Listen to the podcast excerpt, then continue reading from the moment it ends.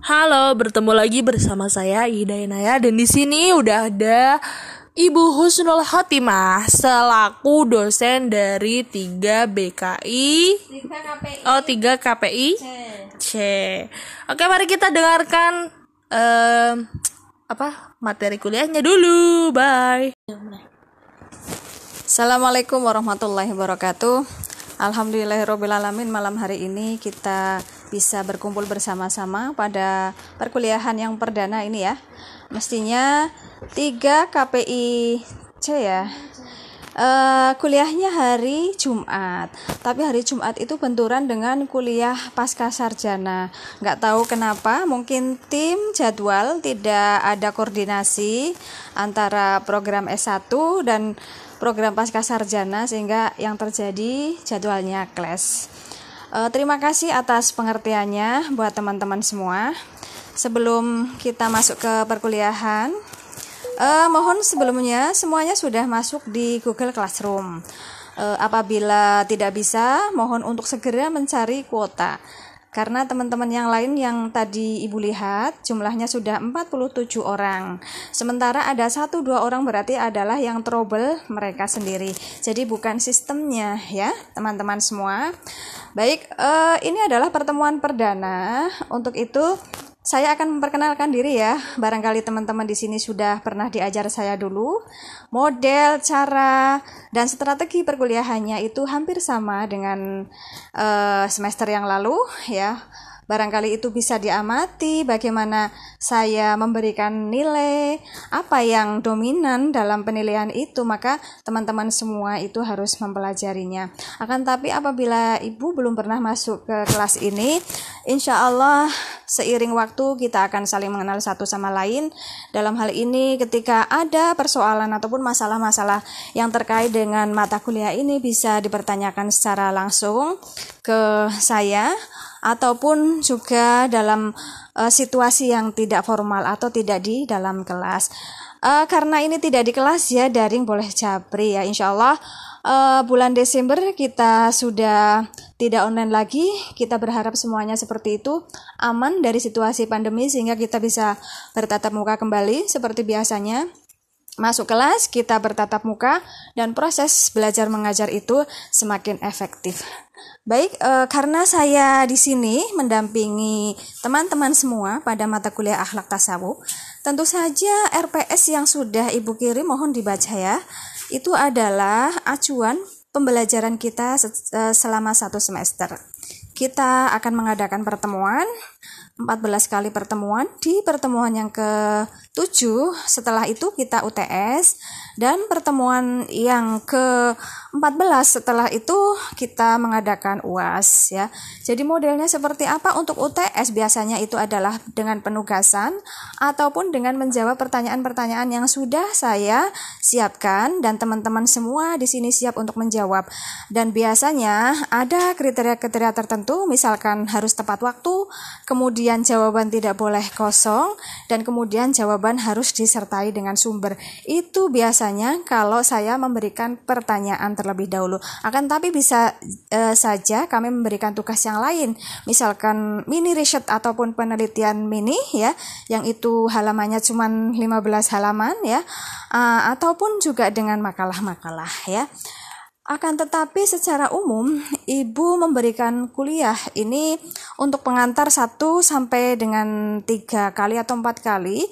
Untuk berikutnya nanti uh, kami akan bagi ke beberapa kelompok untuk mengadakan diskusi, kemudian kami beri waktu maksimal setengah jam dan setelahnya saya akan memberikan satu klarifikasi kepada teman-teman semua. Jika ada hal-hal yang kurang ataupun kurang sempurna ataupun informasi yang kurang sempurna ataupun kurang komprehensif, saya akan menginformasikan atau menambahkan informasi dari teman-teman semua. Baik, eh, bicara tentang akhlak tasawuf ya, tentu saja ini tidak hanya di perguruan tinggi Islam, akan tetapi di perguruan tinggi yang lain itu juga materi yang terkait dengan akhlak itu tentu saja dipelajari. Kenapa hal itu terjadi? Kita melihat ya di setiap tempat selalu ada aturan-aturan yang terkait dengan masalah akhlak. Misalkan tidak boleh merokok, jaga kebersihan, kemudian tidak boleh duduk di sini, tidak boleh berisik dan seterusnya. Itu adalah keseharian kita selalu berhadapan dengan apa yang namanya itu akhlak. Nah, saya akan memberikan satu pengantar kenapa itu menjadi hal yang penting dibahas, kemudian e, diimplementasikan dan kemudian juga ada aturan-aturan yang mengharuskan kita untuk mematuhi terhadap e, peraturan itu.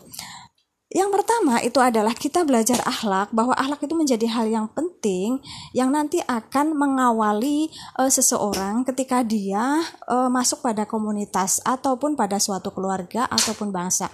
Karena apa? Karena ketika seseorang masuk pada komunitas itu nanti akan dilihat itu adalah perilakunya, akhlaknya. Maka ketika dia berperilaku tidak baik, tentu saja komunitas itu akan menolaknya. Demikian juga ketika saudara semua masuk pada komunitas, Anda menunjukkan perilaku yang baik itu pasti akan diterima dalam satu komunitas itu, apakah itu keluarga, organisasi, ataupun sebuah pemerintahan jika teman-teman semua masuk ya pada birokrasi pemerintahan ya. Kemudian yang berikutnya bahwa kebahagiaan yang sejati itu adalah pada dasarnya adalah dari akhlak itu sendiri. Ketika ada orang menolong orang lain, ya itu tidak mungkin dia tidak akan merasa bahagia. Pasti dia itu merasa bahagia karena sejatinya yang akan memberikan kebahagiaan itu itu adalah akhlak ketika kita berbuat baik kepada orang lain, kemudian orang lain menerima kita dengan senang hati, dengan senyum, maka kita itu akan bahagia. Jadi ketika orang menolong terhadap orang lain akan tapi dia menyesal kenapa kok saya menolong. Nah, itu ada persoalan dalam dirinya. Ya, makanya dalam diri manusia kebahagiaan sejati itu adalah kebahagiaan yang orientasinya adalah rohani kadang orang itu bisa bahagia dengan jasmaninya. Misalkan punya uang, dia itu bisa berfoya-foya, kemudian makan enak, kemudian uh, dia punya segala macam fasilitas, itu adalah bahagia. Akan tetapi bahagia itu adalah bukan kebahagiaan yang hakiki. Makanya ketika orang itu berfoya-foya dengan orang yang menolong, kebahagiaannya itu berbeda dan itu kebahagiaan yang sejati adalah kebahagiaan yang orientasinya kepada rohani. Dan biasanya kebahagiaan rohani itu dibimbing oleh apa yang disebut dengan agama. Maka sebenarnya orang yang orientasinya terhadap agama, dia itu akan mengikuti kebahagiaan rohani. Nah, itu akhlak ada di situ.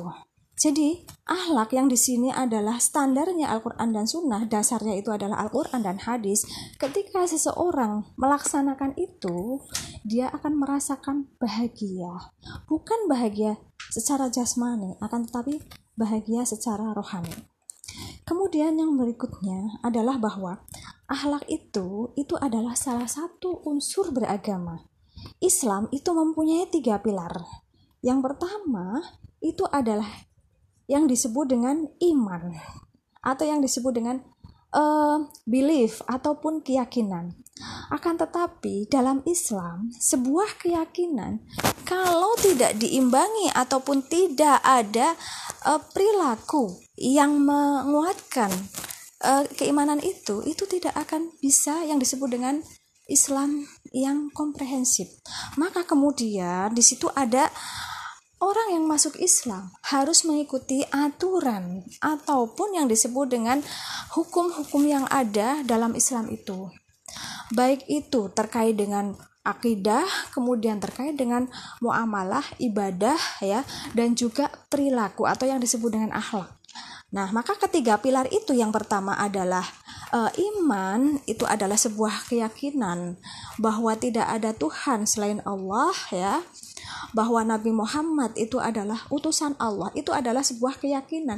Akan tetapi keyakinan hanya diyakini dalam hati sementara kemudian tidak ada implementasi perbuatan yang sesuai dengan aturan-aturan Allah. Kemudian yang itu terpancar pada perilakunya itu bukan Islam yang komprehensif. Maka di situ termasuk juga ihsan yang di dalamnya penuh dengan perilaku al ihsan anta abudallah ka'annaka tarahu fa ilam takun taruhu fa innahu yaroka. Yang disebut dengan ihsan itu adalah kamu harus terus beribadah kepada Allah. Seakan-akan kamu itu melihat Allah akan tetapi jika kamu tidak melihat Allah, maka Allah itu yang akan melihatmu. Itu adalah sebuah perilaku yang ikhlas. Ketika dia berbuat walaupun uh, dia tidak melihat Allah, dia itu akan selalu diawasi oleh Allah. Itu yang disebut dengan uh, ihsan. Makanya yang disebut dengan akhlak kenapa itu menjadi hal yang penting dan itu dibahas secara tuntas dalam Islam karena bahwa akhlak itu adalah merupakan salah satu unsur dalam beragama. Nah, kemudian yang berikutnya itu adalah kenapa itu hal yang penting bahwa Nabi Muhammad Wasallam diutus ya kepada umatnya itu adalah untuk menyempurnakan akhlak yang baik. Innama bu'aistu li utamimma makarimal akhlak. Ini bisa kita lihat ketika Nabi Muhammad SAW banyak mendapat permusuhan dari kaum Quraisy. Kemudian dia hijrah ke Madinah dia membangun masyarakat madani. Apa yang disebut dengan masyarakat madani? Masyarakat di mana Nabi uh, dia memperhatikan tidak hanya terhadap umat Islam saja tapi dia menaungi terhadap beberapa kaum ada Bani Khosroj, Aus, uh, kemudian juga uh, orang-orang non muslim yang mereka tetap dilindungi oleh Allah oleh Nabi Muhammad Shallallahu Alaihi Wasallam. Kemudian Nabi tidak memaksakan mereka untuk masuk Islam. Akan tetapi membiarkan mereka untuk hidup secara damai secara tentram kemudian saling hormat menghormati. Selama mereka itu memberikan satu uh, apa yang disebut dengan jizyah kepada Nabi Muhammad Shallallahu Alaihi Wasallam mereka itu aman. Nah ini bisa kita lihat bagaimana pelajaran yang bisa dipetik dari kisah ini bahwa Nabi Muhammad itu tidak pernah memaksa kepada kaumnya dengan cara memaksa ya untuk masuk Islam. Akan tapi selama ini Nabi Muhammad SAW memberikan satu tindakan ataupun contoh sehingga ini yang menjadi contoh bagi orang-orang Quraisy supaya mereka masuk Islam. Jadi bukan dengan ucapan saja akan tetapi dengan tindakan-tindakan uh, yang dilakukan oleh Nabi Muhammad SAW. Kemudian yang berikutnya itu adalah akhlak itu sebagai ajaran pokok Islam ya. Uh, ketika Nabi Muhammad SAW ditanya suila Rasulullah SAW uh, mal akhlak apakah itu akhlak ya uh, mohon maaf Ahmad-din apakah agama itu ad-din husnul khuluq? Agama itu adalah akhlak yang baik. Karena apa? Agama yang di dalamnya itu penuh dengan ajaran-ajaran akidah kemudian syariah muamalah itu uh, goal akhir atau tujuan akhir yang akan dibangun dalam misi nabi itu adalah akhlak. Ya jadi uh, bagaimana dengan keyakinan? Keyakinan itu adalah dalam hati ucapan yang itu harus terserap dalam hati akan tetapi kalau itu tidak dilaksanakan karena yang namanya sejatinya iman itu adalah dia uh, yakin bahwa uh, Allah itu telah memberikan ajaran terhadap Nabi Muhammad SAW yang di sana itu adalah tentang ajaran-ajaran akhlak. Sehingga ini ada korelasinya. Makanya kalau kita uh, lihat bagaimana ajaran Nabi itu adalah uh, akhlak itu yang paling dominan sehingga dikatakan bahwa apakah itu agama? Agama itu adalah akhlak yang baik. Nah, kemudian juga kita melihat hampir 90% uh, eh, mungkin kita bisa meneliti ya uh, uh, teks ataupun Al-Qur'an yang diturunkan uh, oleh Allah kepada Nabi Muhammad SAW itu hampir semuanya ini adalah uh, tentang akhlak kita bisa melihat ya, memang di situ ada perumpamaan, kemudian di situ ada mukjizat yang semuanya tujuannya itu adalah agar manusia itu bisa uh, sadar, kemudian bisa menghargai, kemudian mereka itu bisa beriman dan itu adalah sebagai satu wujud atau cara Allah memberikan satu kesadaran terhadap umatnya yang terkait dengan uh, akhlak. Tadi kita memberikan satu pengantar tentang akhlak ya, tentu saja menjadi hal yang penting untuk kita pelajari. Maka sejatinya ketika kita bicara tentang akhlak ya, memang banyak sekali ya definisi-definisi yang mengemukakan tentang akhlak itu sendiri tapi jika kita melihat ya dari sisi bahasa tentu saja kita banyak sekali uh, yang bisa menunjukkan terhadap makna akhlak itu. Misalkan kita keseharian bicara tentang budi pekerti ya kemudian juga dikatakan sebagai perangai. Tingkah laku itu juga menunjukkan pada akhlak kemudian tabiat. Juga kita sering mendengarkan behavior. Itu semua secara kebahasaan itu menunjukkan pada akhlak. Budi pekerti kenapa disebut dengan budi pekerti? Budi itu adalah kesadaran Pekerti itu adalah tingkah laku. Jadi yang namanya akhlak itu adalah tingkah laku yang didasarkan pada kesadaran. Jadi kalau didasarkan bukan karena kesadaran, itu bukan akhlak. Sehingga dalam hal ini uh, Ibnu Maskawai ya sebagai seorang tokoh yang dia aktif ya untuk bisa mengkaji tentang akhlak dia menyatakan bahwa al akhlaku halun din nafsi da'iyatun laha ila af'aliha min khairi fikrin waruyatin ya. Al akhlak akhlak itu adalah halun lin nafsi keadaan jiwa da'iyatun laha yang mendorong kepada perbuatan ila af'aliha min ghairi fikrin waruyatin tanpa menghajatkan pada pemikiran. Ya, jika kita melihat definisinya Ibnu Maskawai, maka di sana ahlak menyatakan bahwa keadaan jiwa maksudnya adalah jiwa yang sadar. Ini penuh dengan kesadaran. Dari kesadaran itu kemudian seseorang itu bertindak.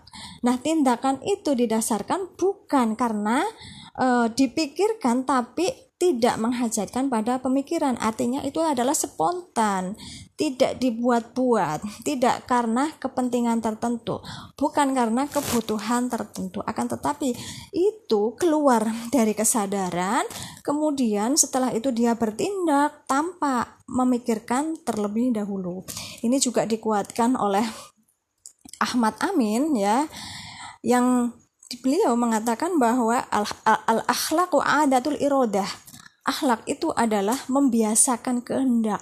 Jadi kehendak kita yang didasarkan pada kesadaran itu dilakukan bertindak dan itu dilakukan secara terus-menerus ya, membiasakan dan itu dilakukan secara terus-menerus. Jadi tidak hanya satu kali. Sehingga kalau kita melihat karakteristik akhlak itu sendiri, yang pertama, akhlak itu harus spontan. Spontan itu bukan dipikirkan terlebih dahulu. Jadi bukan uh, dipikirkan ini nanti saya setelah melakukan ini dapat apa. Tapi spontan. Misalkan ketika ada orang kesusahan kemudian dia menolongnya tanpa dia menginginkan apa yang ada dari orang yang kesusahan itu atau misalkan ya ketika mahasiswa ataupun uh, alumni yang kepingin datang ke temannya perempuan misalkan tapi kemudian di sana menunjukkan kesalihannya dengan cara sholat dan kemudian di sana dia membantu orang tua tapi itu ada maunya dan itu tidak dilakukan setiap hari dan didasarkan pada uh, kesadaran. Itu ya bukan akhlak. Nah ini yang disebut dengan spontan.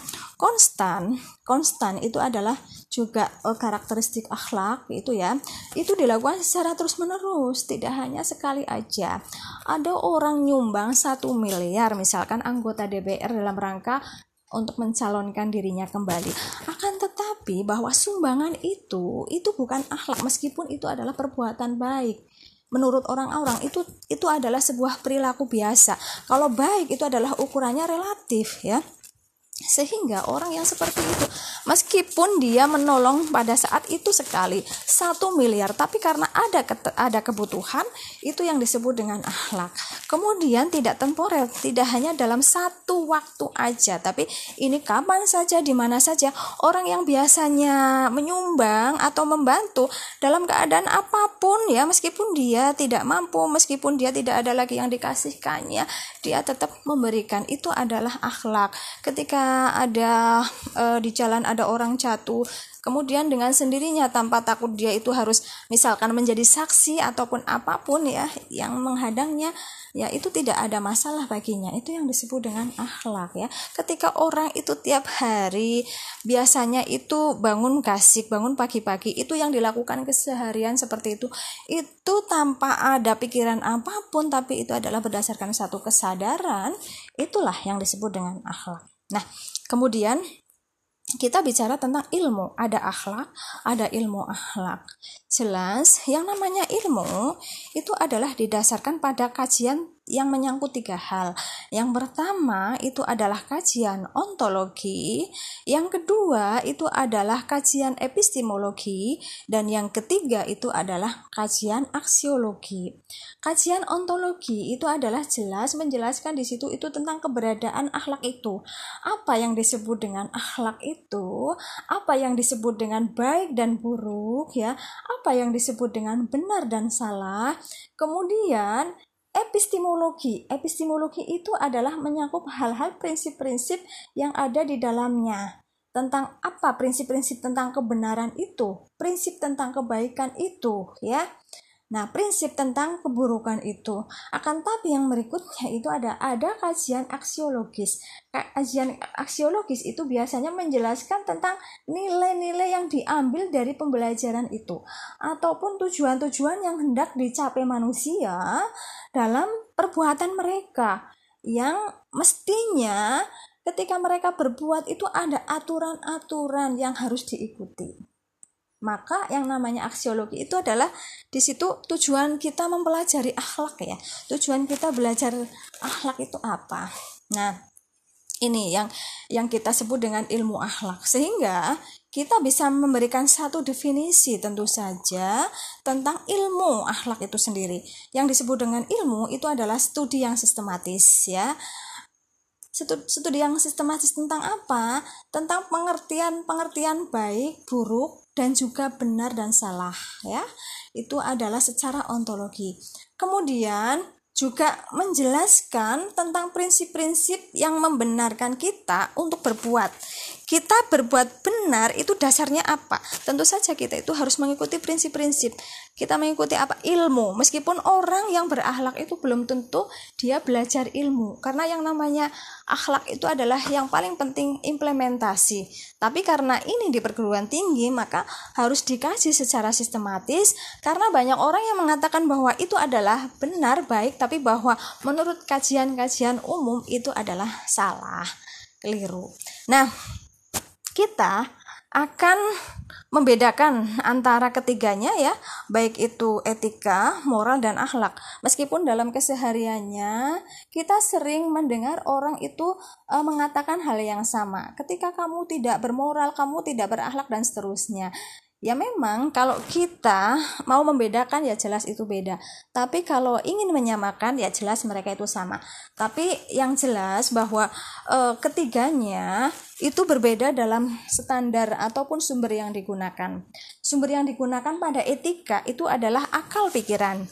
Jadi ketika berbicara etika ya e, di situ tentang bagaimana filsafat akhlak sehingga etika itu sama saja dengan filsafat akhlak. Kajian-kajian yang sistematis. Kajian yang sistematis itu kan melalui pikiran ya akal pikiran. Sehingga ketika kita mengkaji secara sistematis tentang mana yang baik dan mana yang buruk ya ketika itu dikaji maka itu yang disebut dengan etika. Kemudian moral, moral itu adalah dasarnya adat istiadat serta akhlak itu adalah dasarnya Al-Qur'an dan Sunnah bahwa ketiganya itu bukan hal yang bertentangan meskipun sumbernya itu beda ya. Akan tetapi bahwa kita jangan melihat hanya satu poin aja. Ketika melihat uh, kebenaran ya ketika kita melihat kebenaran bukan hanya uh, dalam pikiran saja. Ketika kita membantu bukan hanya dalam pikiran saja karena membantu itu akan memberikan satu pertolongan pertolongan orang lain. Itu itu benar, akan tetapi bahwa segala sesuatu yang kita lakukan harus pada bersumber Al-Qur'an dan Sunnah.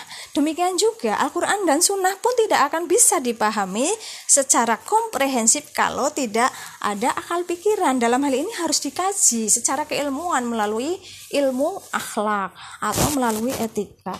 Moral itu adalah satu kondisi ketika orang itu berbuat. Nah, ketika orang berbuat itu maka kemudian dia harus berdasar pada Al-Quran dan Sunnah yang Al-Quran dan Sunnah itu juga dipahami melalui keilmuan. Nah, ini. Jadi ketiganya saling saling berhubungan antara etika, moral, akhlak. Jadi bukan kemudian moral itu adalah hal yang salah karena itu adalah dasar adat istiadat. Tentu saja Islam itu memahami bahwa yang namanya misalkan ya kalau uh, adat istiadat orang Jawa dulu itu pakai pakai kebaya kemudian pakai jarit tapi kemudian bukan berarti bahwa sekarang orang memakai pakaian biasa itu adalah hal yang salah kemudian dalam Islam itu memakai jilbab itu adalah menjadi satu kewajiban kemudian di Indonesia tidak memakai jilbab itu adalah hal yang salah. Itu bukan seperti itu cara memahaminya.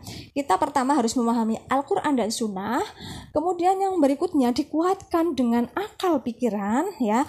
Yang di situ sumbernya itu adalah kita melihat adat istiadat sehingga kita tidak menyalahkan. Karena dalam Al-Quran itu sendiri dalam Al-Quran itu sendiri bahwa yang disebut dengan Al-Quran itu harus dipahami melalui akal pikiran. Maka di situ ada pendekatan antropologis, pendekatan sosiologis itu yang disebut dengan adat istiadat. Harus dipahami seperti itu. Jadi kemudian memahami Al-Quran itu tidak hanya teks aja. Jelas kita bicara ketiganya itu karena sama-sama semuanya itu berkaitan dengan tingkah laku yang uh, ketika pembahasan ketiganya jelas uh, menentukan baik yang buruk ya baik dan buruk dan tujuan yang hendak dicapai uh, dalam tiganya itu. Jadi etika moral itu adalah bukan hal yang harus di uh, dikotomisasikan atau dikonfrontasikan akan tetapi kita melihat bagaimana ketiganya itu juga memiliki satu hubungan yang yang baik ya yang harus dipahami. Karena ketika berbicara tentang Al-Qur'an kalau tidak dipahami uh, oleh etika atau oleh ilmu itu juga tidak akan dipahami oleh manusia secara komprehensif. Nah, itu yang uh, terkait dengan akhlak yang saya sampaikan tadi. Kemudian yang berikutnya, tadi kita sudah bicara tentang akhlak ya. Uh, jelas yang namanya akhlak itu uh, berasal dari perbuatan yang sadar. Jika tidak sadar ya, Meskipun ada orang kemudian tanpa sadar bangun tidur kemudian e, memukul orang lain, itu bukan yang disebut dengan akhlak karena itu adalah bukan dari kesadaran. Walaupun itu adalah merugikan pada orang lain, itu adalah perilaku yang merugikan pada orang lain baik dan buruk itu nanti adalah ada e, kajiannya tersendiri. Tapi itu bukan akhlak.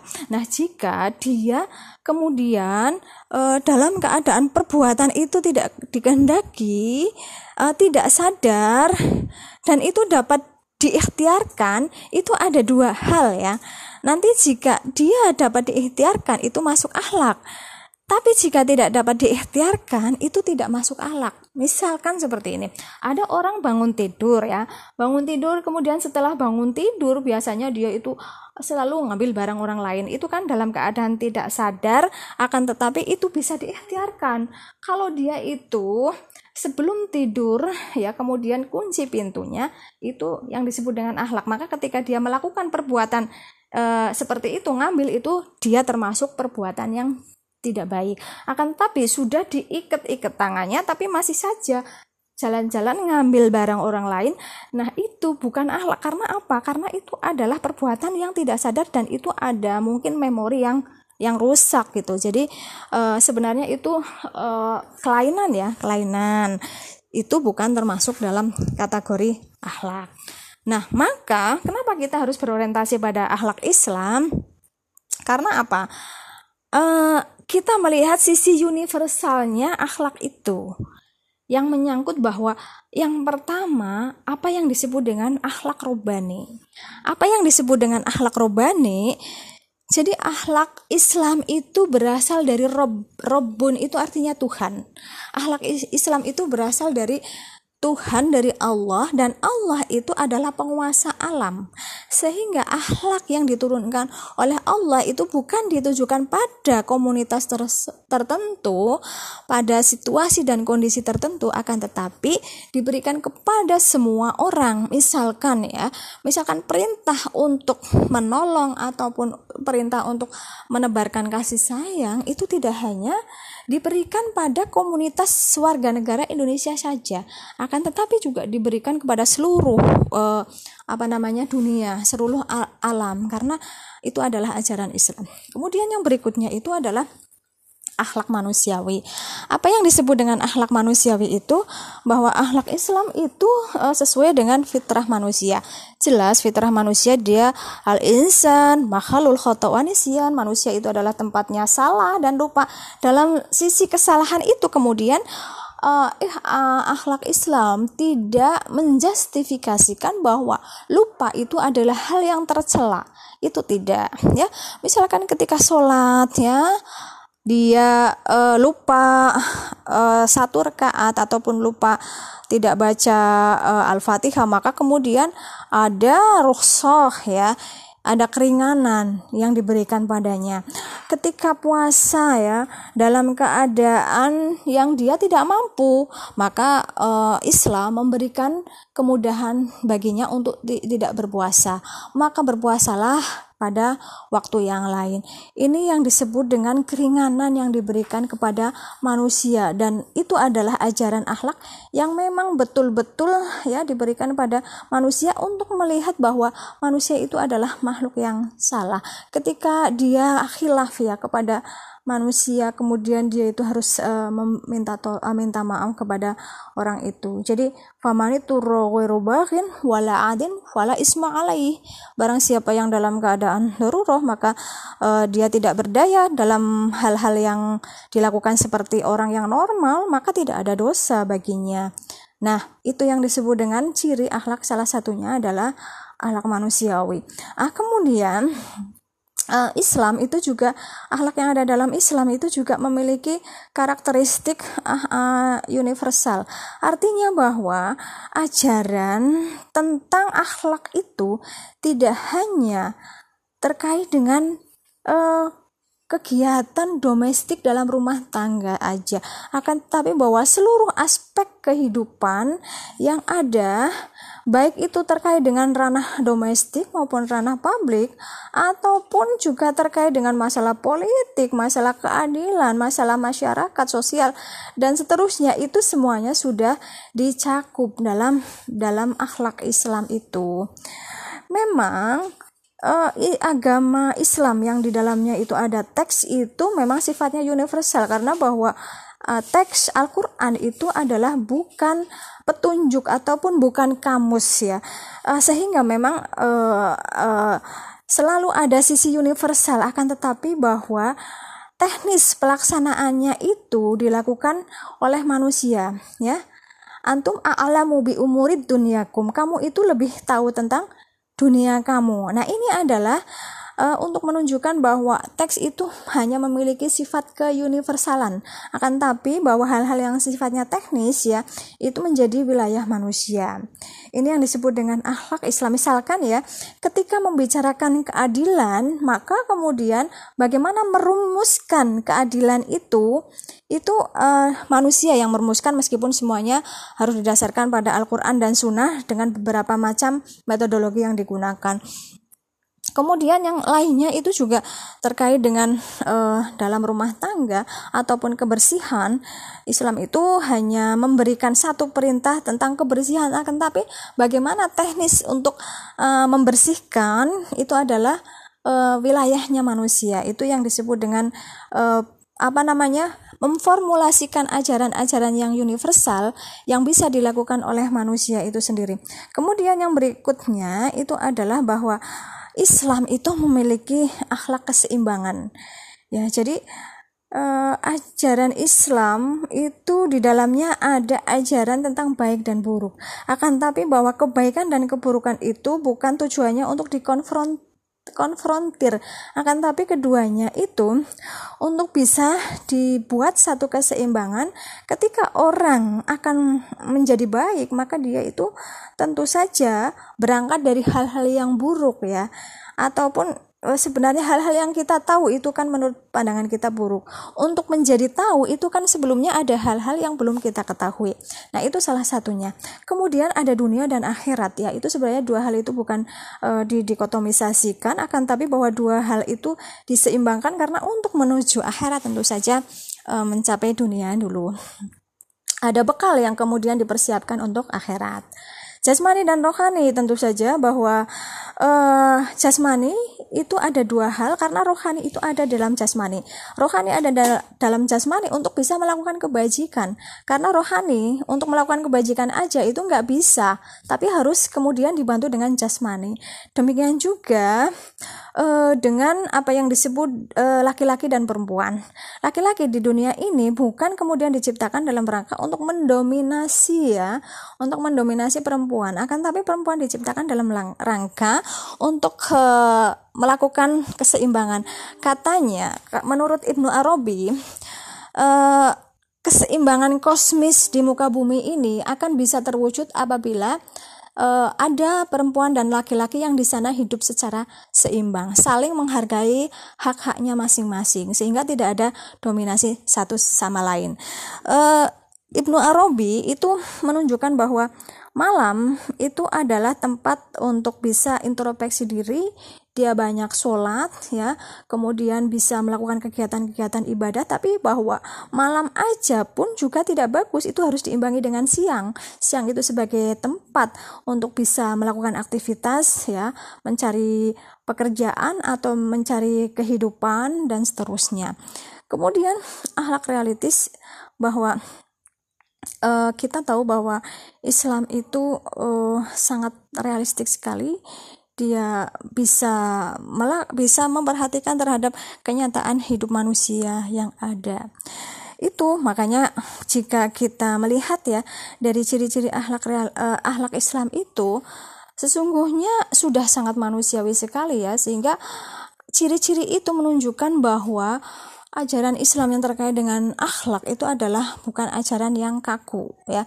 Akan tetapi ajaran Islam jelas tujuannya itu adalah dalam rangka untuk memberikan kebaikan dan kebahagiaan kepada manusia.